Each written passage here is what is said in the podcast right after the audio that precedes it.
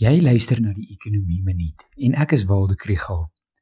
Met die brandstofprys op rekordhoogte en beerdkrag wat weer terug is, is jou volgende bekommernis dalk volgende week se mini-begroting. Maar baie ekonome dink dit hoef nie te wees nie. Dit gaan alles oor hoe die minister sy belastingmeevaller bestee. Dit lyk of die regering 100 miljard rand meer belasting ingekry het as waarvoor daar in Februarie begroot is. Daar is ramings dat dit selfs 170 miljard kan wees. 'n Deel daarvan is klaar bestee. Die openbare sektor loonooreenkomste het 20 miljard meer gekos as begroot en die ekonomiese ondersteuningspakket wat na die Julie onluste aangekondig is, was 36 miljard rand. Daar is dus steeds ekstra inkomste waaroor besluite geneem moet word.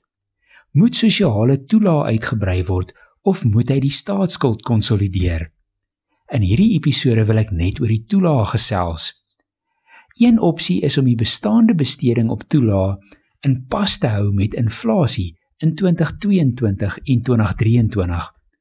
Dit sal ongeveer 32 miljard rand meer kos, maar die totale besteding op sosiale toelaag in die omgewing van 3,5% van die bruto binnelandse produk hou.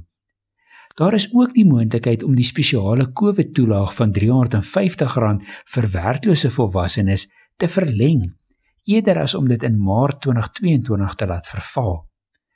Dan is daar sprake van 'n permanente basiese inkomste toelaag. 'n Maandelikse basiese inkomste toelaag van R600 per maand sal ongeveer 4% van die BBP kos. Navorsers reken dit sal help om honger en armoede te verlig maar nie 'n drywer wees van ekonomiese groei nie. Kan Suid-Afrika dit enigsins bekostig?